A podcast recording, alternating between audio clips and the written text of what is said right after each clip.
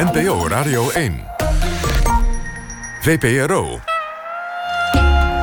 Nooit meer slapen.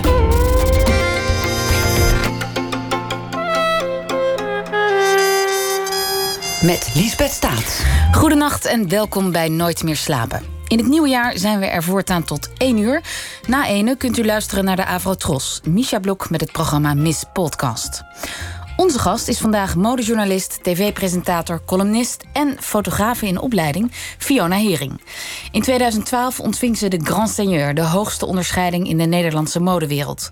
Bij het grote publiek werd Hering misschien bekend als lifestyle-deskundige aan de desk van RTL Boulevard. Zelf ziet ze zich allereerst als schrijvend journalist. En hoewel de mode van oudsher ook een wereld is van glitter en glamour, heeft ze zelf een ingewikkelde relatie met roem en bekendheid. Ik wil meer zijn dan een glamourpop, zei ze ooit tegen dat dagblad Trouw.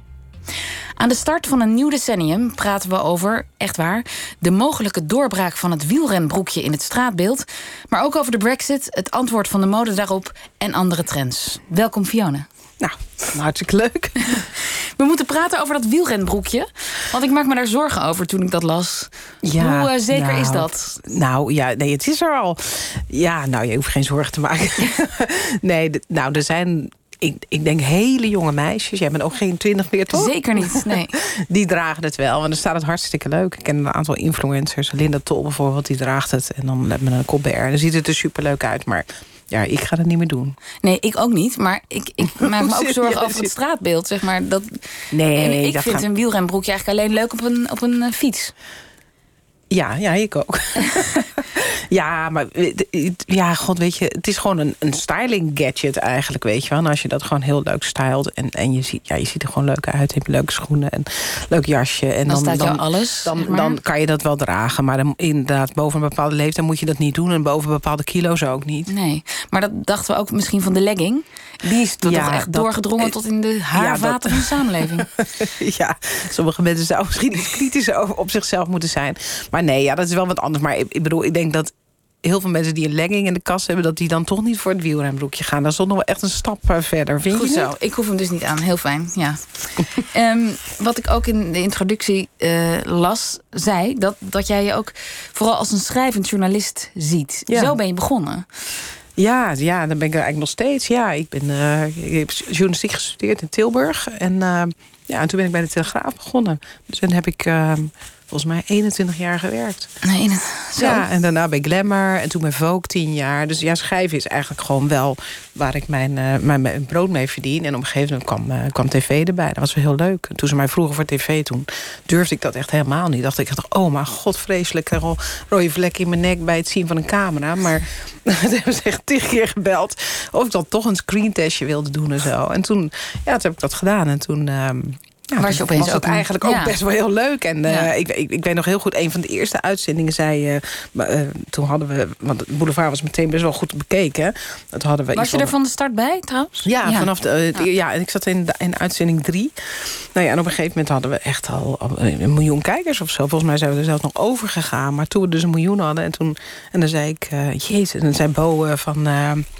Uh, ja, zei hij van, uh, goh, uh, echt vlak ervoor, weet je, als we, als we aan het aftellen waren van, er kijken maar een miljoen mensen, weet je, dat je dacht, oh nee, vreselijk. Maar goed, ja, daar moet je, moet je dan helemaal niet aan denken. Je zit nee. dan gewoon te kletsen zoals wij hier. En, ja.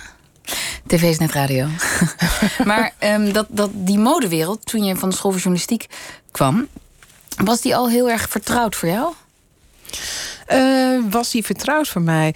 Nou, ik was wel altijd heel erg geïnteresseerd in mode, ja. Maar ik, ik kwam dus wel inderdaad uit de schrijfhoek. Want voor mij waren er mensen bij de Telegraaf... Uh, of in ieder geval de, persoon die tien jaar voor mij zat... die kwam juist uit de modehoek. Die had mode gestudeerd, kunstacademie gedaan. En die ging toen schrijven. En toen hadden ze zoiets van, ja...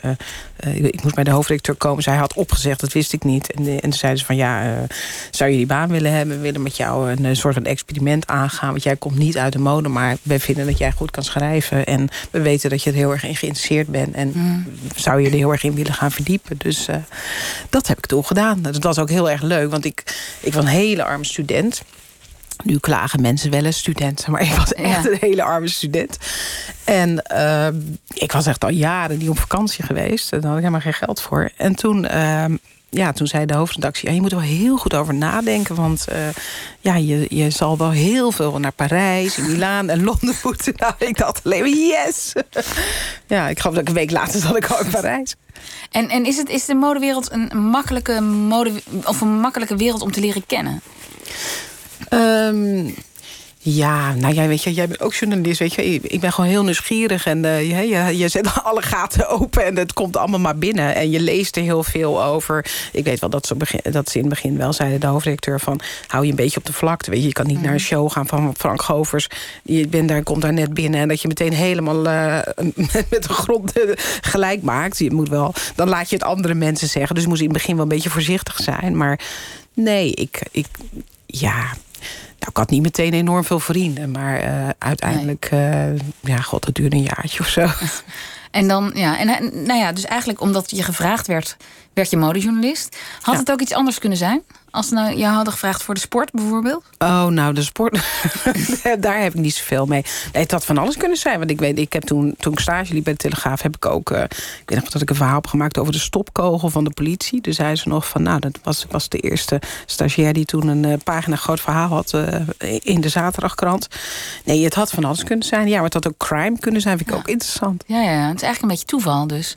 Dat er iemand op, opstapte ja, en je...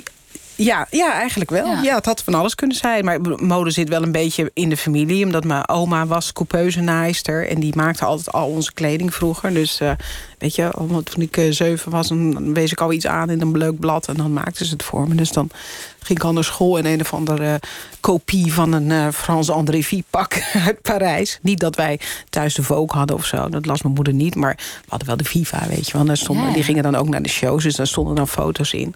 Dus dan wilde ik dat graag hebben. En dan uh, maakte me, mijn oma dat. Dus de interesse voor de mode was er al? Ja. ja. Ja, maar wel, maar nooit echt van nou per se. Ik, ik, ik moet daar iets in gaan doen. Nee. Weet je, ook niet uh, naar een modeacademie. En ik kan nee. niet eens een knoop. Nou, een knoop aanzetten lukt net, maar voor de rest, voor de rest niet. Nee. nee. En je zegt ja, de Vogue lag niet bij ons op tafel. Was het wel een logische stap dat jij journalistiek ging studeren? Uh, nou, mijn ouders kwamen niet uit de journalistiek. Uh, lazen wel altijd de krant, het Vrije Volk. Echt een Rotterdam, ja. hele linkse krant. Um, Wat vonden ze er dan van dat jij bij de Telegraaf ging eigenlijk? Ja, nou, mijn moeder heeft ja, mijn vader was toen overleden, dus uh, anders had hij er misschien wel voor gaan liggen, weet ik niet. um, maar was het ook echt een rood nest waar je uitkwam? Uh, ja, best wel. Ja. ja. mijn vader was leraar en mijn moeder, ja, die, die was huisvrouw. Dus ja, zij schreven niet. Nou, mijn vader kon wel mooie verhalen schrijven. En die schreef natuurlijk altijd de meest geweldige Sinterklaasgedichten. Dus ik denk wel dat ik het van hem heb. Maar ja. ik heb nie, ken niemand in de familie die journalist is. Nee. Maar goed, jij ging uh, naar de school voor journalistiek. En nog even over die modewereld. Uh, is het dan zo dat als je daar als journalist binnenkomt... dat er anders met je wordt omgegaan dan als je echt uit de mode komt? Dus als je een opleiding hebt, als je ontwerper bent... of uh, zoals jouw voorgangster bij de Telegraaf? Nou, ik denk wel dat er best wel veel mensen waren... van die dachten van, wat komt dat huppelkutje hier doen? Ja, ja natuurlijk. Er zaten mensen die zaten daar natuurlijk al jaren. Zeker in die tijd had je echt modejournalisten... die er al 30 jaar zaten.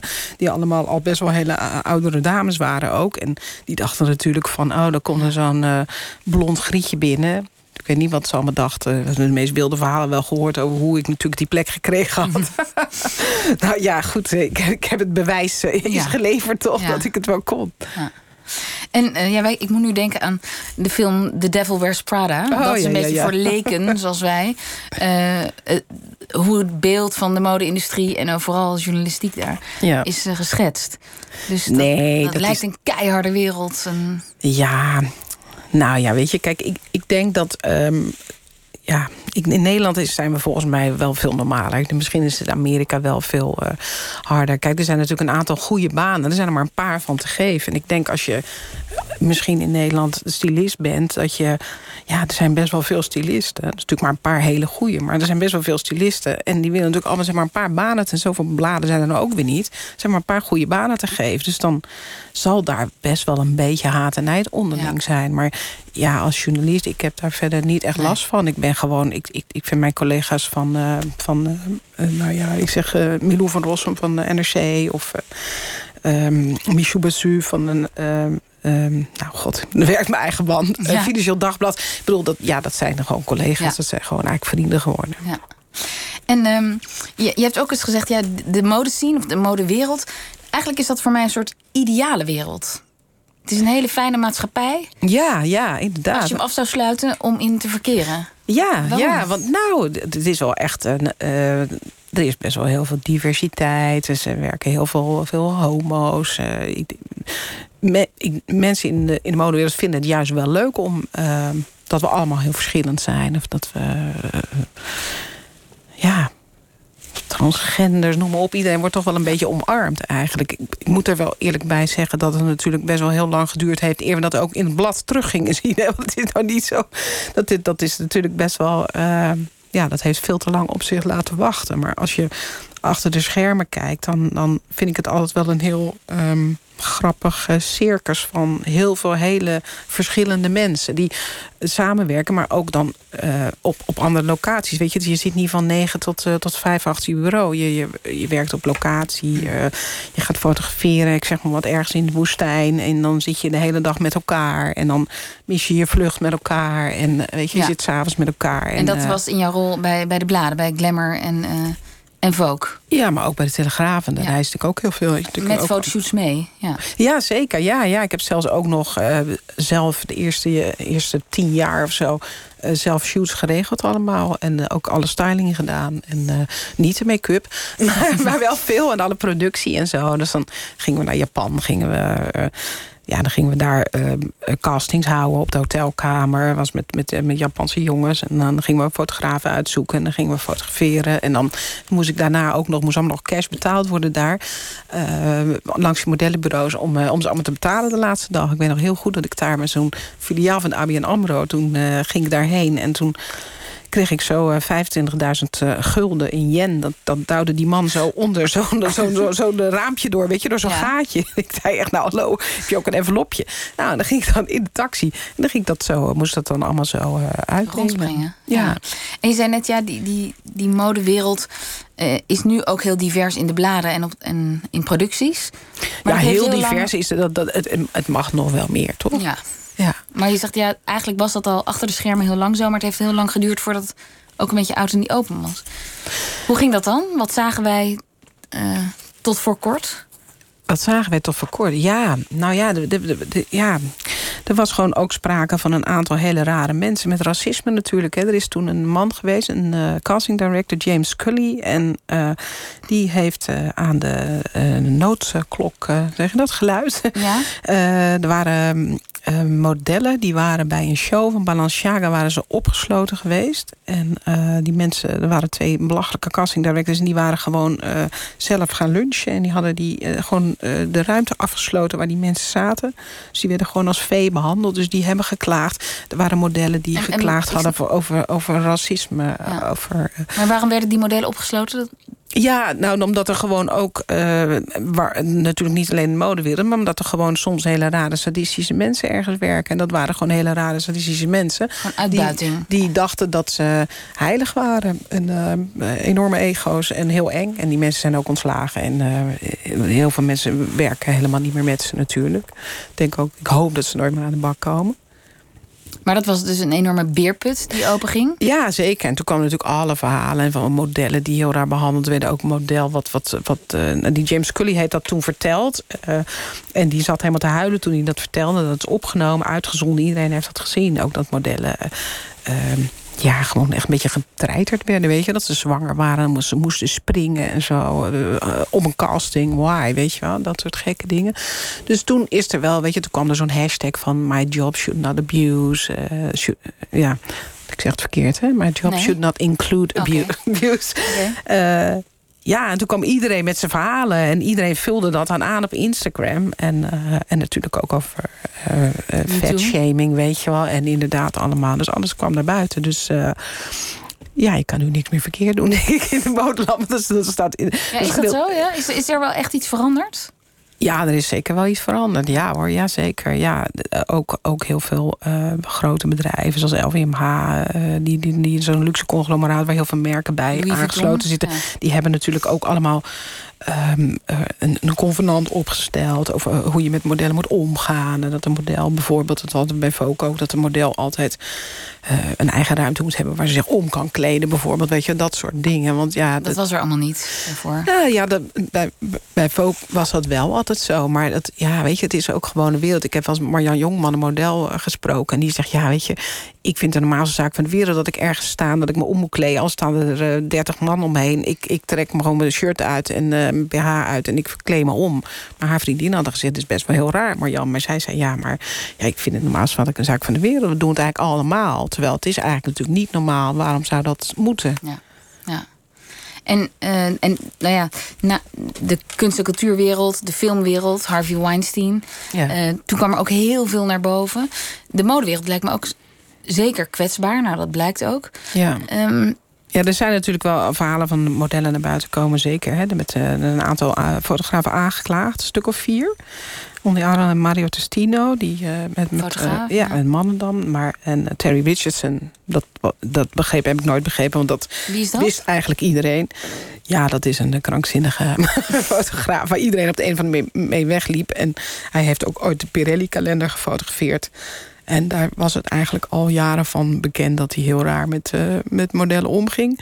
Maar toch bleef die bladen, heel veel Franse Vogue bijvoorbeeld, altijd met een werk. Hij kreeg heel veel uh, reclameopdrachten. Uh, maar er waren ook bureaus die hun modellen helemaal niet meer naar die man wilden sturen. Maar goed, volgens mij werkt hij nu helemaal niet meer. In ieder geval niet voor de, mode, nee. modebladen.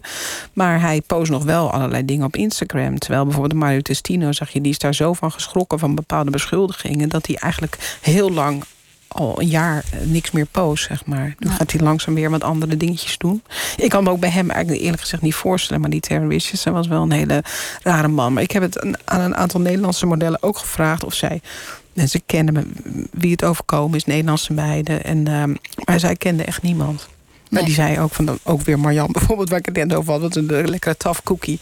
Die zegt, ja weet je, Nederlandse meiden die... Uh, ja, die, die overkomt dat gewoon niet. Ze weten ook precies natuurlijk bij wie ze het moeten doen. De Nederlandse meiden zijn best wel uh, mondig. Ja. En zoals zij zei, die komen vaak ook wel gewoon uit een... Uh, um, Dood normaal gezien.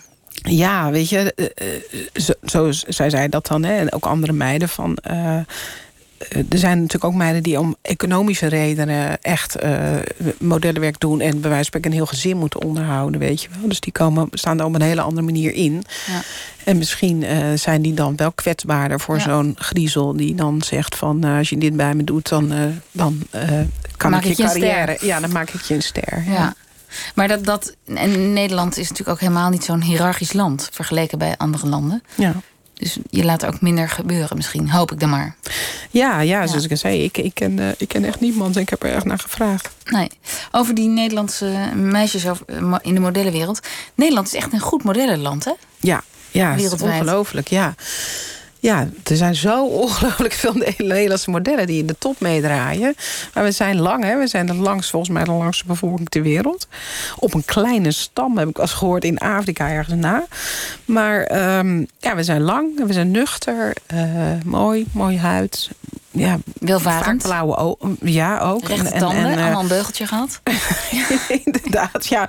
En uh, blauwe ogen, uh, nog steeds heel veel gewild. en blonde haren ook. Ja. Maar gelukkig ook heel veel met bruine haar hoor. Maar ja, dat, ik weet niet. Het verkoopt. Ik vind het zo grappig, want wij zijn bepaald niet de beste uh, dressers van, van Europa of ter wereld. Mode is hier toch heel lang een ondergeschoven kindje geweest. En ik denk dat wel verandert, maar nog steeds merk je meteen als je in op het station Antwerpen uitstapt al dat daar toch echt anders wordt nagedacht over wat trek ik aan vandaag. Ja, ik vind het toch wel heel erg veranderd hoor. Ik vind, het, ik vind dat dat niet meer helemaal opgaat. Ik, ik herken Nederlandse vrouwen wel bijna altijd aan hun haar. Dus uh, dat is ook als we, als we vaak met pers reizen en zo. Dat, um, dan, met de kleding, dan valt het allemaal wel mee. Maar het is vaak... Uh, uh, dat kan nog wel eens heel onverzorgd zijn. Ja. Niet dat je nou allemaal heel, elke dag ja mag zitten feunen, maar daar nou ja, zie ik het dan in, vaak in, wel in, aan. In andere steden of landen is dat heel normaal. Dat je ja, bijna zeker. bij ja. de kapper s ochtends begint. Ja. Of dat zelf kan, maar... Ja. Ik, heb, uh, ja ik heb een kind van een Napolitaan. Dus ik, uh, ik kom best wel vaak in Napels. Afgelopen twee jaar niet. Maar daarvoor kwam ik heel vaak in Napels. Daar gaan alle meisjes op vrijdag, uh, vrijdagmiddag naar de kapper. om leuk lekker het weekend in te gaan met het heel gefeut daar. Ja. Ja. Gaan we, gaan we dat, gaat dat nog veranderen, denk je? Nee. In Nederland? Nee. Nee, want wij Misschien moeten door de te- regen fietsen Zijn we de, ja, Ja, dat kan te, helemaal niet. te nuchter. Maar misschien niet. willen we ook het geld er niet aan uitgeven. Gaan Ja. we gewoon liever naar de kroeg, kopen we een lekker wijntje. Ja. Ehm, over die modewereld die jij net ook een beetje voorlopend noemde. Heel divers en inclusief. En er werken mensen van heel verschillende pluimage. En langzaam druppelt dat dan ook een beetje door in de bladen. Ehm, is, die, is het, eh, het is een enorme industrie, die mode-industrie. Is het soms ook, naar jouw mening, een beetje window dressing? Want uiteindelijk moet er natuurlijk geld verdiend worden. Die grote modehuizen moeten winst maken. Of zit het dieper? Is de mode echt de plek waar revoluties starten en waar nieuwe bewegingen ontstaan?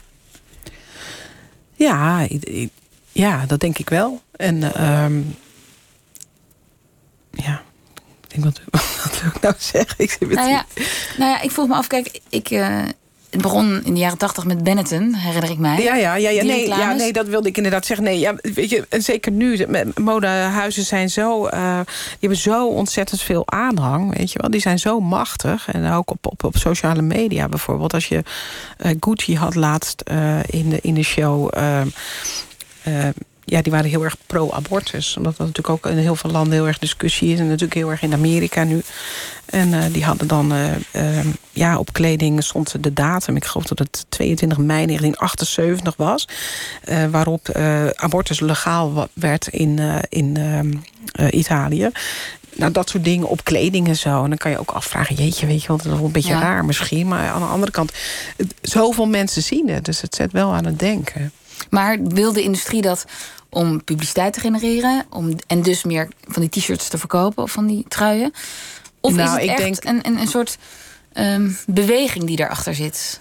Nou ja, mode is natuurlijk wel een afspiegeling van de tijden, van dingen die er spelen. Dus dan, eh, als dat heel erg speelt, en ik geloof wel eh, in eh, de goede bedoelingen van Alessandro Michele en die, die ontwerper van Gucci. Ja. Ik denk zeker dat zij daar wel wat, wat mee willen, willen bereiken. En zij, zij hebben ook een, een paar jaar geleden Chime for Change opgericht. Dat is een, een organisatie die. Ehm, ja, je kan geld storten, maar Gucci stort er zelf ook, geloof ik, 10 miljoen per jaar in of zo. En die geven dan geld. Dat is eigenlijk voor de empowering van, eh, van meisjes en, en vrouwen die normaal Mhm. niet gehoord worden over de hele wereld. Dus ze doen zeker wel heel veel dingen. Ja, en eh, het, is, het is ook een groene revolutie die daar aan de gang is op heel veel terreinen. Ook in de mode. Ja. Want datzelfde Gucci, las ik, wil helemaal CO2-neutraal zijn. Ja. Dus niet alleen in de productie, maar ook alle Ja. shows. Ja. Ja, inderdaad. In de shows dan gingen ze gewoon compenseren voor alle mensen die dan uitgenodigd worden. eh, Die daar naartoe vlogen? Ja, precies. Dat gingen ze dan compenseren. Ja, iedereen is er wel mee bezig. Moet natuurlijk ook, denk ik, ook onder, onder druk van hè, journalisten schrijven er ook over. Tegelijkertijd willen ze natuurlijk ook heel veel verdienen. Maar ze zijn ook heel vervuilend. Maar ze, eh, ze zijn denk ik wel van goede willen. Ja. En de een wat meer dan de ander. En ze willen natuurlijk ook nog wel heel veel geld verdienen. Ja. En, en maakt dat wat uit op de schaal der dingen? Want Gucci is een groot modehuis. Maar niet iedereen koopt Gucci, kan Gucci kopen. Kijk, de, Nee. de Primark en de H&M en de Zara... dat zijn de grote eh, spelers op de markt. Ja. En die maken nog steeds t-shirts en spijkerbroeken... op de meest goedkope, snelle en vervuilende manier. Nou ja, die hebben natuurlijk ook wel andere lijnen. eh hè. We gaan nemen even bijvoorbeeld de Conscious lijn. En die worden wel anders gemaakt. En ook met, met eco-katoen en zo. Dus de, die zijn er ook wel mee bezig. Maar ja, god, het, is wel fast fashion. En het is gewoon heel veel. Ik, ik las dus dat in, de, in de Engelse eh, Vogue vandaag te lezen... stond dat in 2030... ehm, wordt er 63% meer kleding wereldwijd verkocht. Meer al dan nu. En dan hebben we het alleen al Meer, ruim meer dan de 500 helft. Meer. 500 miljard t-shirts meer. Meer dan nu. dus het is, het is absurd wat er, eh, wat er eh, ja, in, aan kleding omgaat in de wereld. Het is Maar- echt, eh, En wat betekent het dan dat, dat Gucci de shows eh, CO2-neutraal produceert?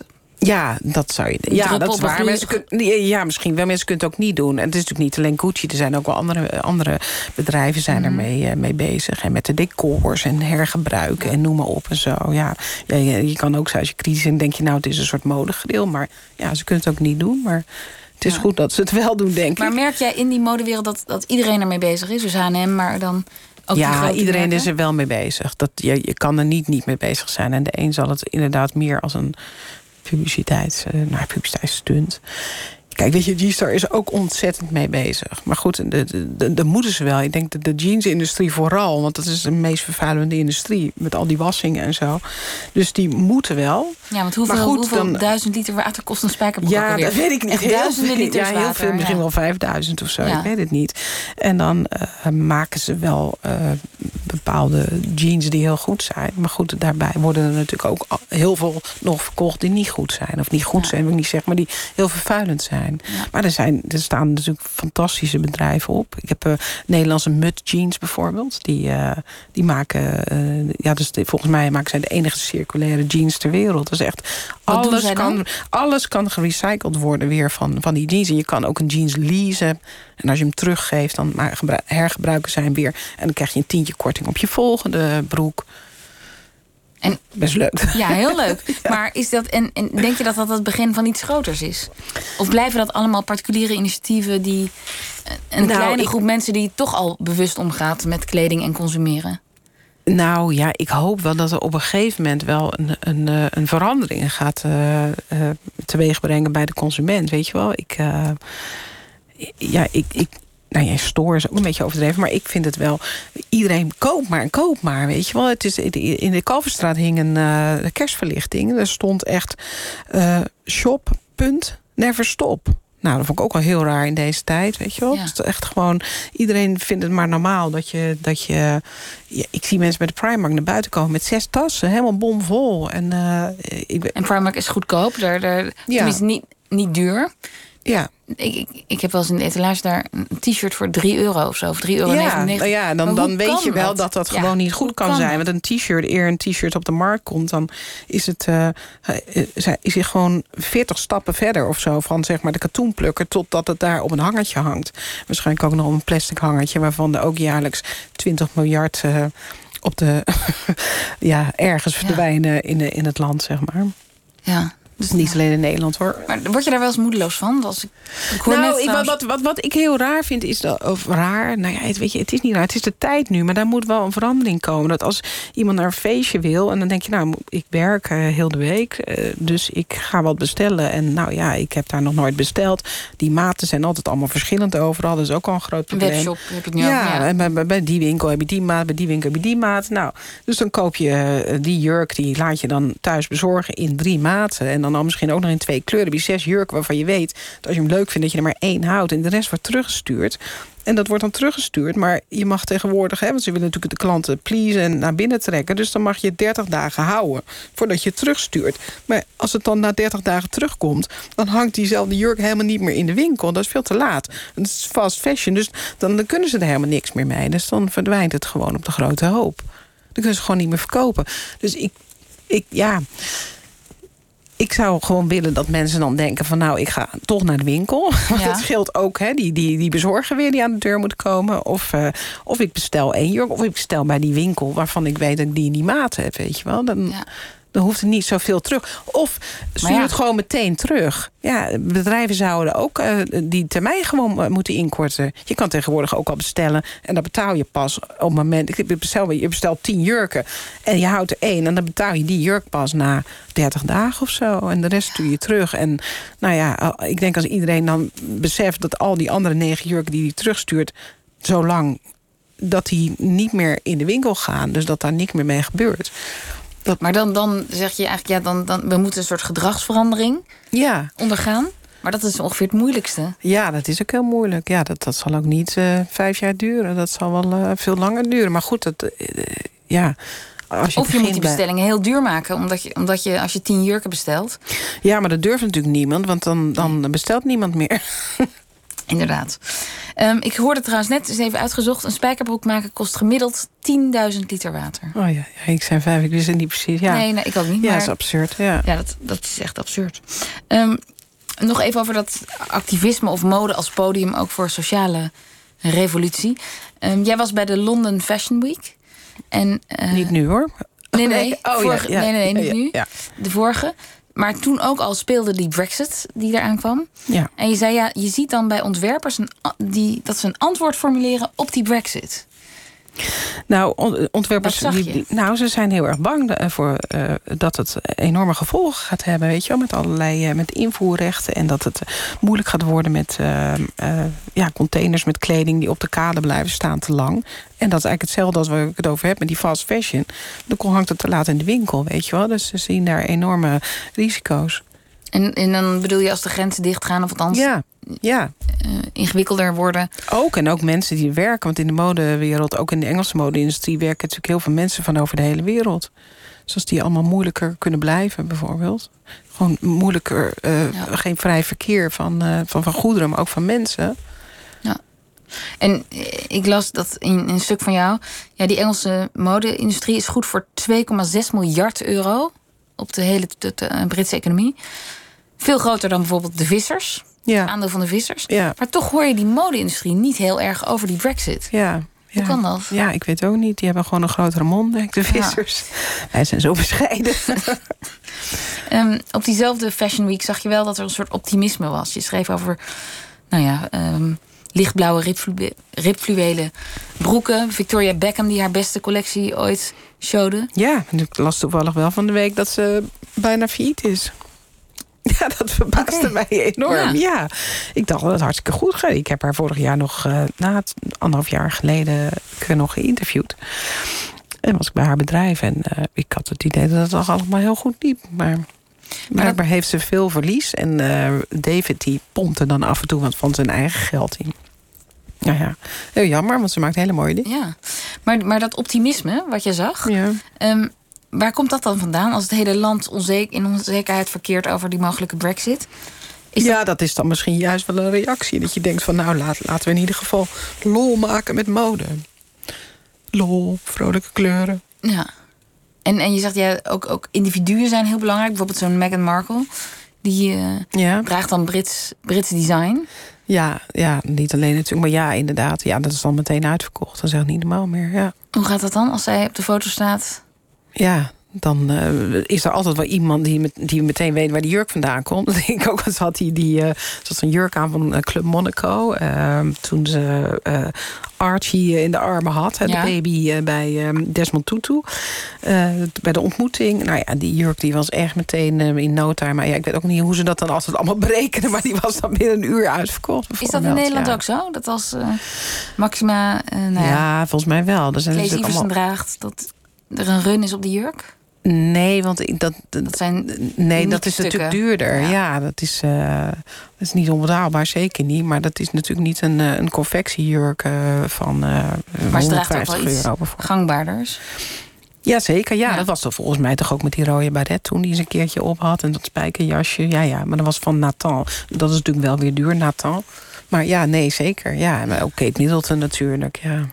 ja en maar Nederlanders minder dan in Engeland. Ja, ik denk wel, het Britse Koningshuis is natuurlijk wel heel erg populair. Ja. Toch? Meghan Ja, Markle ja. En, en, en Kate, ja, dat is wel, eh, wel populairder. Ook, eh, ook Archie, die had nu op de... ja, dat volg ik dan wel, dat vind ik toch heel leuk. Archie de baby, we hebben hem weer. Dat is echt de, de jongste influencer die er is nu. Ja, joh. Dus Maar- de, de eerste Royal op Ux, volgens mij, de, eh, had hij aan op de nieuwjaarsfoto. En Oh, even een- gemist? Ja, en had ook een jasje aan. En dat jasje was ook meteen uitverkocht. Een jasje? Als in Ja. een kostuumjasje? Nee, nee, gewoon een winterjas. Want hij is in, eh, ze zijn in Canada op vakantie. Dus hij was in zijn vaders armen. Was, het was een nieuwjaarsfoto. En dan had hij dan een jasje aan. En dan zag ik meteen weer op Instagram allemaal foto's van dat jasje voorbij komen. Ik denk dat het van H&M was. Want ik zag ook eh, de, de prijs in het, eh, in het Zweeds daarnaast. En ook in andere talen. Maar, maar goed, eh, ja. En dan staat er helemaal bij eh, wat hij dan kost. En dan kunnen mensen meteen, eh, hoppa, eh, inslaan.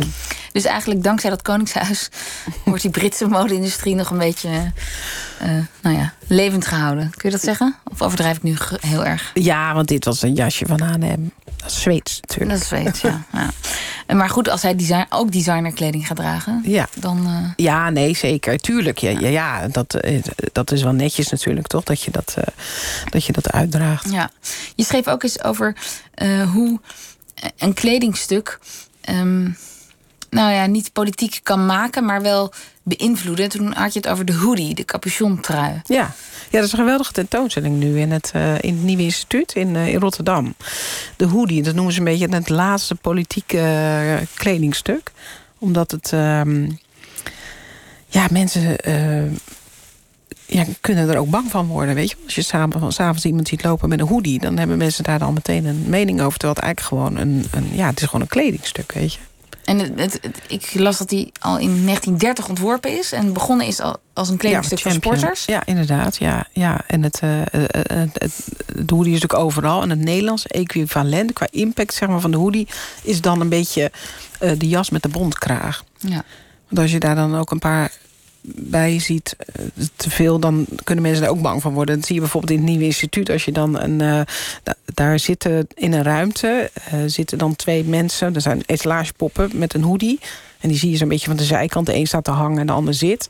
En dan zie je ook een, uh, een kunstwerk van iemand, een, een kapstok hangen. Zeg maar, als, als je hem bij een middelbare school zou zien hangen. En dan hangen dan zes van die jassen met, met bontkragen op. En dan ja, dat de conservator vertelde van... ja, mensen worden, worden dan ongemakkelijk als ze die ruimte binnenkomen. Weet je wel? Zo van, hier comes trouble. Terwijl, ja, er hangen gewoon drie jassen. Ja.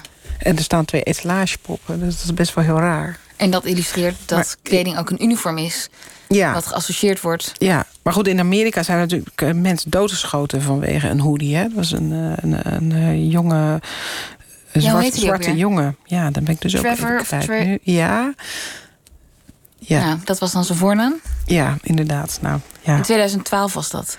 Ja. En die was ongewapend, liep gewoon over straat? Ja, en volgens mij was, uh, was hij 16, uh, zwarte jongen, en uh, liep over straat. En er was een, een volgens mij was het ook een assistent burgerwacht. En die had kort daarvoor de 112 gebeld, zeg maar, alarmcentrale. En gezegd dat er een verdachte jongen, jongen rondliep in een donkere hoodie.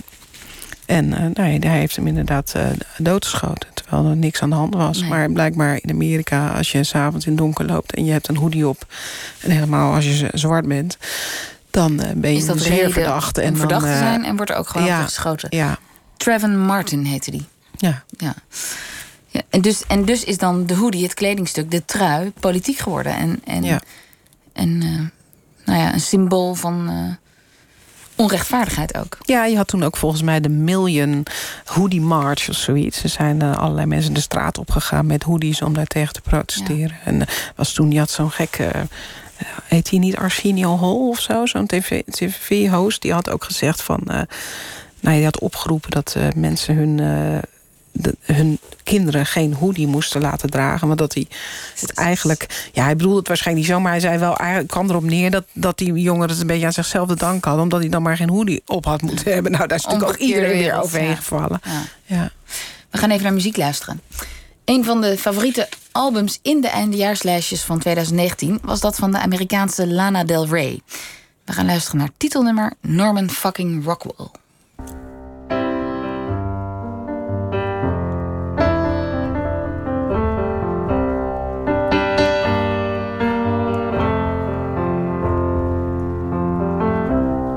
Goddamn man child. You fucked me so good that I almost said I love you. You're fun and you're wild. But you don't know the half of the shit that you put me through. Your poetry's bad and you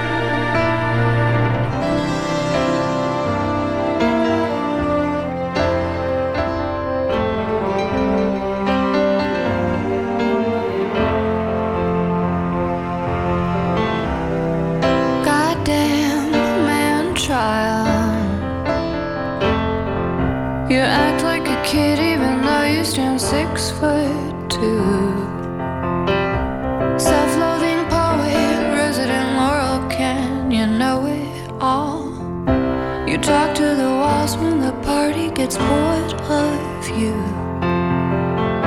But I don't get bored, I just see it through. Why wait for the best when I could have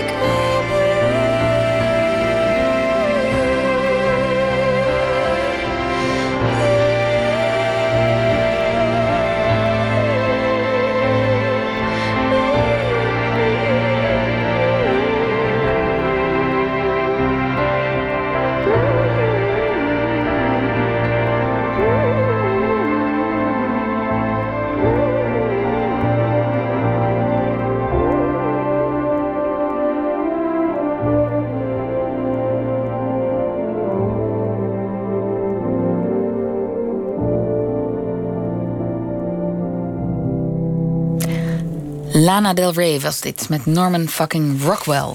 Ik praat met Fiona Hering, modejournalist. En eh, we hadden het net al over mode en activisme. En als eh, podium waar nieuwe stromingen en bewegingen beginnen. Ehm, voor ons ligt een nieuw decennium. Ja. Ehm, blank en eh, wit als een witte pagina. Zijn er grote trends of grote veranderingen in de modewereld die jij verwacht of die je aanziet ko- komen? Nou, ja, ik weet niet of er echt enorm veel gaat veranderen. Er is de laatste paar jaar al zoveel veranderd... waar we het natuurlijk net al heel erg over hadden. En, en de grootste verandering die er ook geweest is... en die nog steeds denk gaat voortzetten... is dat vroeger keken misschien streetmerken heel erg op... tegen eh, de grote modehuizen. Maar nu kijken die grote modehuizen... die, die halen hun inspiratie juist heel erg... juist uit die streetwear. Dat is wel heel erg veranderd, weet je wel. Zo'n Louis Vuitton die dan een samenwerking aangaat... met een Supreme bijvoorbeeld, weet je wel. Al die, die hele collabs. Dat, ja, eigenlijk ben ik een beetje collab moe. Want er zijn dus, alles is een hè, co- collab, samenwerking? samenwerking. Eh, Rimowa met Supreme, noem maar op. Maar ik denk dat daar gewoon geen einde aan eh, kan komen. Ik denk dat, dat er nog veel meer collabs aangaan. Dat is wel echt volgens mij... Ik, ik, ik zie dat veel meer dan... Dat Maar mensen- Chanel en, eh, nou noem eens... Chanel Ja. en Nike. Ja, dat zou kunnen. Ik weet niet, volgens mij hebben ze, dat, hebben nooit gedaan. Maar ja, ik denk dat dat soort dingen, dat mensen dat veel meer willen. Dat veel meer kleine capsulecollecties, eh, drops eh, noemen ze dat, weet je wel. En dat, er- en dat het kort in de winkel hangt en dan komt er weer wat nieuws. En, en dan is maar om, om die mensen naar de winkel te trekken, maar ook om... om eh, de behoefte te bevredigen om constant weer wat anders te hebben. En ook beperkte dingen te hebben die dan bijvoorbeeld misschien alleen... en dat, dat, dat bestaat al hoor, maar ik denk Ja. dat het alleen maar erger wordt. Dat je dan alleen iets kan kopen eh, in eh Hongkong eh, die dag Ah ja. Ah om ja. 12 uur, weet je wel. En, en, en dat merk dropt ergens anders weer een paar dagen later een andere collectie of zo. Ja, allemaal heel ingewikkeld. Maar ehm, ik denk dat dat veel meer gaat gebeuren. Om het nog een beetje exclusief te houden. Ja, om het exclusief te houden. Want je kan natuurlijk overal over de hele wereld alles hetzelfde kopen. En wat, ja, wat ik hoop is dat ook, en dat, dat zie je ook wel een beetje... Ronald van der Kemp is daar ook een beetje mee begonnen. Ik weet niet of je met hem kent. En, Ja, een Nederlandse modeontwerper. Ook duurzaam, toch? Hij- ja, zeker. Ja. die maakt dus eh, echt couture, sustainable couture. Die, die gebruikt alleen maar ehm, stoffen die, ehm, die al bestaan. Want er zijn natuurlijk heel veel ontwerpers die, die eh, laten ehm, ja, bijvoorbeeld de sens eh, ontwikkelen... en die laten stoffen maken. En uiteindelijk denken ze, nou, ik vind het toch eigenlijk niet zo leuk. En dan komt het helemaal niet eh, in productie. Maar dan liggen daar wel gewoon die eh, honderden meter stoffen eh, Ja. liggen daar. Dus die kan hij dan heel goedkoop kopen. En, en, en hij, heeft het, hij maakt dan niet constant een andere collectie... maar hij maakt een wardrobe, noemt hij dat. En dat nemen heel veel mensen nu al over...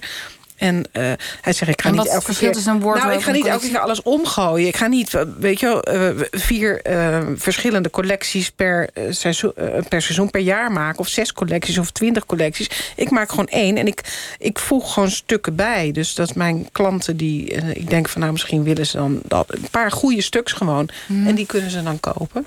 En dan, dan hangt je kast gewoon vol met... met mooie, duurzame stukken die heel lang meegaan. Die zijn natuurlijk best wel heel erg duur. Je zag nou bijvoorbeeld ook dat, ja, Prada, ik denk, ja, die gaan dat nou natuurlijk ook ineens doen. Weet je wel? En die zeggen dan ook van, nou, eh, mensen, koop, eh, koop goed. Denk goed na, koop Ja. goed. Dus koop een klassiek piece waar je tien jaar mee doet. En, dat je combineert dat- met nieuwe dingen. Ja, en dat is nu wel heel erg aan, aan de gang, dat modehuizen dat zeggen. En dat als tegenhanger dan van de Zara... die iedere twee weken een nieuwe collectie heeft. Ja, maar dat zijn natuurlijk wel weer inderdaad duurdere dingen. Maar ik, ik hoop inderdaad dat, eh, dat eh, de Zara dat soort dingen ook gaat doen. Ja.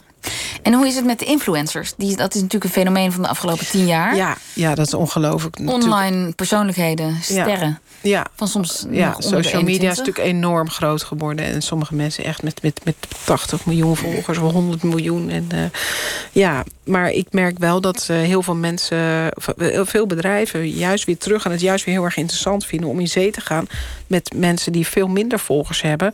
maar die wel heel authentiek zijn. Dus die eh, een hele specifieke doelgroep aanspreken. En dan misschien maar duizend mensen hebben... maar wel zichzelf heel leuk kleden vanuit zichzelf. Of, of weet je wel, een muzikant zijn. En eh, eh, daar een bepaalde scene aanspreken. Dus dat vinden ze dan veel cooler. Oh, dus het wordt dan heel cool om niet zoveel volgers te hebben. en dan maak ik Ja. ook nog een kans. Jazeker, ja. Ja. ja. nee, maar ja, ja. Als jij je heel leuk... eh, Zou hè, kleden, ja. Nee, nee als je, je, jij hebt hartstikke, je ziet hartstikke leuk uit. Nee, als jij eh, op een bepaalde manier kleedt... en je, je hebt een leuke vriendenkring... je doet leuke dingen... je, weet ik, je zit s'avonds lekker eh, te jabben... lekker muziek te maken... en eh, dan kan het zijn dat een, een Nike denkt van... nou, ik, ik vind haar eigenlijk wel heel erg cool met haar duizend volgers. En Mhm. eh, ik hoef niet die eh, influencer die eh 1 miljoen volgers heeft... maar die met elke wind meewaait... eh, eh, als er maar een check eh, voor de neus hangt. Pappert, ja. Maar goed, het, het, eh, de tragiek van die kleine authentieke mensen is natuurlijk... dat als ze een goed contract krijgen met een Ja. eh, ontwerper... dat ze dan binnen de kortste keren ook zo'n enorme influencer zijn. Ja, ja, dat weet ik niet. Dat, dat zou kunnen, dat weet ik niet. Hey, en we hebben het ook al gehad over dat wielrenbroekje. Ja. Eh, zijn er andere trends die je al ziet... waar we ons op moeten voorbereiden? Nou, laten we in ieder geval zeggen dat ik hoop dat de Teva-sandalen ter ziele gaat. De Teva. Van, Nou, dat, is ja. die, dat is die praktische Ja, dat is de praktische sandaal. Maar die, sandaal. Het is natuurlijk heel... Vakantieslipper. Ja, de vakantieslipper. Maar goed, die werd dan natuurlijk door heel veel merken nagedaan. En dan moest je dan mee gaan. En nou ja, dat was heel erg hip deze zomer. Ik hoop dat die niet... ehm, dat die Overleeft. Niet meer, ja. Nee, ja, nee, de tendens is wel heel erg... eh, een beetje jaren 70 weer eh, terugkomen. Met heel veel suède en een beetje gekke kleuren bij elkaar. Weet je, met, met geel en rood en dat soort dingen. En een beetje een hooggesloten jurk. eh, Ja. ehm, een soort van ladylike. Ik weet niet, het is heel vrouwelijk. Je, je zag ook de, de, ook de Nederlandse folk, maar ook de Amerikaanse folk. Die Nederlandse folk heeft Sylvia van de Klooster deze maand eh, op de cover. Eh, een Nederlands, Nederlands model. model. wat echt al heel lang meedraait, al 20 jaar, misschien nog wel langer. En die is eh, hoogzwanger. Eh, inmiddels heeft ze een zoontje gekregen, maar ze staat hoogzwanger op de cover. En dat had de Amerikaanse folk ook. Die hebben vier covers uitgebracht met vrouwen allemaal eh, Zwanger? zwanger, zwanger op de. Nou, zwanger of met baby op de cover. Mhm. Dus ik, ja, ik dacht, wat is daar nou de boodschap van? Ik weet niet zo goed. Ik denk misschien een soort van. eh, dit is waar het om draait of zo. Dra- Ja. ja. daar draait het, Het eigenlijk leven. om. Om de liefde, het leven, Ja, ja. kinderen. En denk je dat eh langzaamaan wordt ook, worden covers en modereportages iets diverser? Zwarte vrouwen, vollere vrouwen. Ja, Of volle vrouwen, mensen die niet maat 34 hebben, gelden in de modewereld al vol. jazeker. Ja, Eh, ja. Denk je dat dat meer mainstream wordt? Eh, ja, dat denk ik wel. Maar het blijft natuurlijk altijd wel het probleem dat. ehm hè, dus dat het kip en het ei van wie is nou schuldig? Want mode- modellen zijn vaak inderdaad heel, heel eh, mager. Ehm, ja, de, de, de onderwerpers maken eh, monster. eh, hè, dat, de, mon- de collectie maken ze in monstermaat. En die gaan dan zeg maar de hele wereld over. Die, die leent iedereen. En dat zijn gewoon mini-mini maatjes. Dus niet de maanden past bijna niemand in. Nee. Dus kindermaten zijn dat. Ja, dus uh, we hebben bijvoorbeeld een Nederlands meisje. Dat is niet een curvy model, maar dat is een in-between, noemen ze dat. Die heel kort leven. Die is ontzettend populair nu. Die is heel erg... Anna Wintour van de Amerikaanse Focus helemaal gek op haar. En zij werd uh, al meerdere malen gefotografeerd voor de Amerikaanse Vogue. En laatst wilden ze haar per se in een bepaalde jurk. En toen uh, hebben ze gewoon die jurk opengeknipt. En dat is best een dure jurk van Valentino volgens mij. Of een Dior, weet ik niet meer. Ja. En uh, ja, ik denk, zo kan het dus ook. Ja. Maar dan, dan is eigenlijk de boodschap aan Valentino of, of Dior... maak eens wat normalere maten. Of Ja. na, naast die mini maatjes Ja. maar ook wat Ja, maar dat papier... gangbaarder maten. Ja, inderdaad. Ja, ja. Ja, ik denk dat ze niet meer terug kunnen. Weet je, de mensen willen gewoon eh, modellen zien eh, in, in allerlei maten, geuren en kleuren. En eh, gelukkig maar. En, dus ik denk nooit meer dat, dat een blad helemaal terug kan gaan alleen maar blonde meiden, blonde meiden van Nee, want ik vraag me ook af, 34. wie gaat dat nog kopen? Ik bedoel, Ja. de generatie die een- alleen nog een samenleving kent... waar iedereen blond haar en blauwe ogen had Ja. in Europa... Ja, die sterft uit. ja. Ja, precies. Niemand gaat, zich- gaat Nee. zichzelf meer herkennen. Ja. Nee. Dus dan heeft het toch nog lang geduurd. Want ik denk dat de, de jonge generatie, de mensen die nu twintig zijn of zo... Ja. en zich heel erg verdiepen in stijlen en mode... en hun op zoek zijn naar hun eigen stijl... Ja. die herkent zich toch niet meer in die bladen dan? Nee, nee, maar ja, lang genoeg was het misschien dan toch niet erg. En dan kochten ze het toch, ik weet het niet. Maar ik denk nu niet meer. Nee. Ehm, je We bent hebben zelfs een, eh, een eerste eh, model in Burkini eh, op, op het, wat heet het ook weer? Op de, ja, dat sportblad. Nou, in ieder geval, elk jaar zit iedereen naar Sports- de swimsuit, Sports Illustrated. Illustrated, ja, ja. de, de, de, de swimsuit issue. Hè, waar iedereen dan, nou iedereen, weet het niet, vieze mannen waarschijnlijk, naar uitkijken. En daar stond Ja. Halima Eden op in een, En een in een burkini. burkini. Ja. En tegelijkertijd ging Victoria's Secret vorig jaar op de fles. Ja. Of 2018, wat was het? Ja, maar Nee. dat kan echt niet meer. Dat Nee. is echt zo erg. Maar dat waren gewoon echt hele oude vieze mannen die... eh, nou ja, vies, maar dat weet ik trouwens niet. Maar gewoon die... Het is al, je, je kan Nou, toch al ja. op je... Op, eh, hoe zeg je dat? Aan je water zien? Of, eh, Ja. als, als een oude man van 72 de casting moet doen voor modellen. Die vervolgens in de allerkleinste lingerie niet denkbaar... meer- precies, met rare Oh. vleugels rondgelopen. Dat dat best wel heel erg raar is. Het is gewoon heel Heeft ouderwets en seksistisch. En Maar dat heeft toch eigenlijk dan heel lang geduurd? Dat dat Dat heeft tweede- ja, ja, dat heeft heel lang geduurd. Maar het was zo'n enorm spektakel. Omdat over de hele wereld wilden mensen dat blijkbaar zien. Ze verkochten die tv-rechten. Iedereen in Azië. Nou, ik weet ook van een aantal van Nederlandse modellen die meelopen. Dat in Azië die... Ja, god, die werden helemaal als, als godinnen ja, behandeld. Victoria's daar. Angels of zo. eh, ja, als je dat een angel was, Ja. was helemaal fantastisch. Ja. Ja. Nou, dat is eh, verleden tijd. Ik eh, vroeg me nog even af, die fotoacademie... je bent begonnen met een opleiding Ja. fotografie. Waar, waar komt Ja, dat vandaan? nooit te, te laten. Eh, nou, ik heb fotografie altijd heel erg leuk gevonden. Ik had, toen ik 12 was, had ik al een, eh, een eigen doka. Die had een oom van mij gemaakt van houtnotenbenen. Mensen zeiden, kan dat? Eh, ja, eh, deed ik in de badkamer zelf ontwikkelen en zo. En eh, ik heb het altijd heel leuk gevonden. Maar eh, ik wilde toen naar die fotoacademie in Den Haag. Maar dan moest je scheikunde hebben, geloof ik. En natuurkunde, allemaal heel... Dan, dan, hoezo? Een beetje overdreven. Maar goed, ik was toen 18 en ik heb me toen daardoor af laten stoten. Dus ik ben journalistiek gaan doen. Maar altijd wel eh blijven fotograferen. Maar ik dacht, het kan wel technisch beter. En ik, eh, ja, ik dacht gewoon, ik wilde het al heel lang. En ik heb het ineens gedaan vorig jaar. Dus ik zit, er nu, eh, ik zit nu in de tweede. In mijn tempo, want ik, doe maar één, ik ben één keer in de twee weken doe ik het maar. Omdat ik natuurlijk werk... eh, Deeltijd, ja. ja, deeltijd. Dus dan duurt het vijf jaar. Ja. Ja, ik hoef het ook niet per se af te maken, om die, die diploma te hebben. Maar ik vind het onwijs leuk. Het is echt eh, ja, heel, heel erg leuk. En, en is het fijn om, de, om te studeren, om je, van je hobby iets, iets serieuzers te maken? Of wil je ook echt fotograaf zijn ja, straks? ja, ja, zeker. Ja. Modefotograaf. Nou, nee, dat, dat, dat vraagt inderdaad iedereen. En dat, nee, dat is helemaal niet de bedoeling. Maar god, eh, wie weet komt het er wel, dat weet ik niet. Maar ik, dat is niet de bedoeling. Nee, ik denk eerder gewoon echt eh, meer kunstfotografie of, of grote projecten. Dat ik naar het buitenland ga. En, eh, ik ben laatst in Zambia geweest. Heb ik hem in sloppenwijken gefotografeerd. Of dat ik daar een boek van maak. En met, een tentoonstelling of zo. Zoiets. En, Maar goed, serieuze fotografie dus. Het is geen ja, zeker. Nee. nee, nee, helemaal Nee, niet. Nee hoor. nee. Nee. En ehm, ik las over je dat je eh, jezelf ook een chaot, een redelijke chaot eh, noemt. Ja. En eh, Ja, nou, ja. dat als je ruzie hebt met mensen of met vriendjes of mannen, dat het dan altijd was over rommel en troep. Ja, ja, ja. Mijn man luistert niet, weet ik. Die is ergens anders mee bezig. Maar ehm, ja, nee, ja, ik, ben, uh, ik ben wel rommelig, ja. Maar het, ik ben ook een maagd, hè. Dus ik, um, ik um, weet precies uh, meestal onder welke van de dertig stapels uh, dat papiertje ligt. Dus dat, dat weet ik wel. Dus voor jou is dat helemaal geen chaos?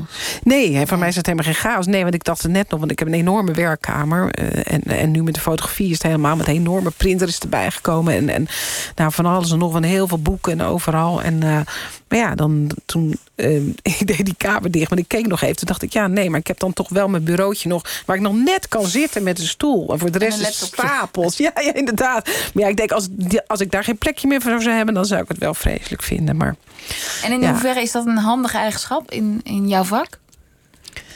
Ja, nou, weet je... Want dan kun je ik, dus heel veel tegelijkertijd eigenlijk. Ja, ja het is eigenlijk denk ik wel heel handig. En, en ik zeg, in mijn werk ben ik wel altijd heel erg keurig en netjes en zo. Maar, en ik weet dus precies waar alles ligt. Maar ik heb wel heel veel spullen en heel veel boeken en, uh, en dat soort dingen. En dat mag ik graag verzamelen. Nou, hoorder is... die term gaat denk ik net niet op. Maar als je mijn werkkamer ziet, dan denk je wel dat ik er één ben, ja. En de fashion weeks en uh, shows bezoeken... dat zijn enorme groepsprocessen, hè? Ja. Het gaat ook over glitter en glamour. En wie zit er op de eerste rij? Het gaat over zien en bekeken worden. Ja. Uh, die, die kant, je zegt ja, toen ik zelf op tv kwam... toen stond ik even aan de andere kant van dat fenomeen. Ja. Dat beviel niet heel goed, of wel? Hoe bedoel je, stond ik aan de andere kant? Nou ja, die... Anders... Oh, dat ik dan zelf in de, ja, in de het onderwerp bedoel, van, van, oh, ja, ja, ja. van de bekendheid en ja. mensen over wie gesproken werd. Ja, nou, ik vind het ook niet erg of zo. Maar ik ben niet zo iemand die nou enorm geld op dat met mijn hoofd op tv ben of zo. Dat heb ik helemaal niet, nee. Nee, maar, maar, maar vind je het ook lastig of zo? Nee, nee. Ik heb eigenlijk altijd alleen maar hele leuke reacties als mensen me op straat tegenkomen. Soms herkennen ze me niet. En dan, maar als ik dan ga praten of iets als vermoord, dan, dan herkennen ze me wel. Nee, ik heb, nee, bij mij liggen ook de paparazzi niet voor de deur. Hè? Nee. Ik, ik leid toch een heel gewoon leven.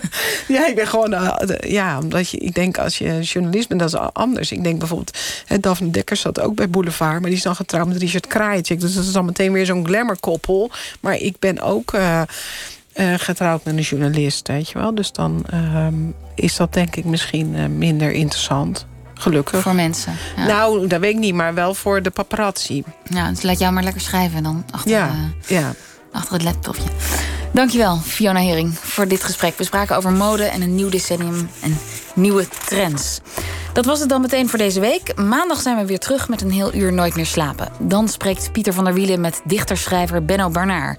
Onder andere over zijn nieuwe literaire dagboek Zingen en Creperen. Dat aanstaande maandag tussen 12 en 1. En straks kunt u luisteren naar Miss Podcast van de Avrotros. En ik wens u nog een heel goede nacht.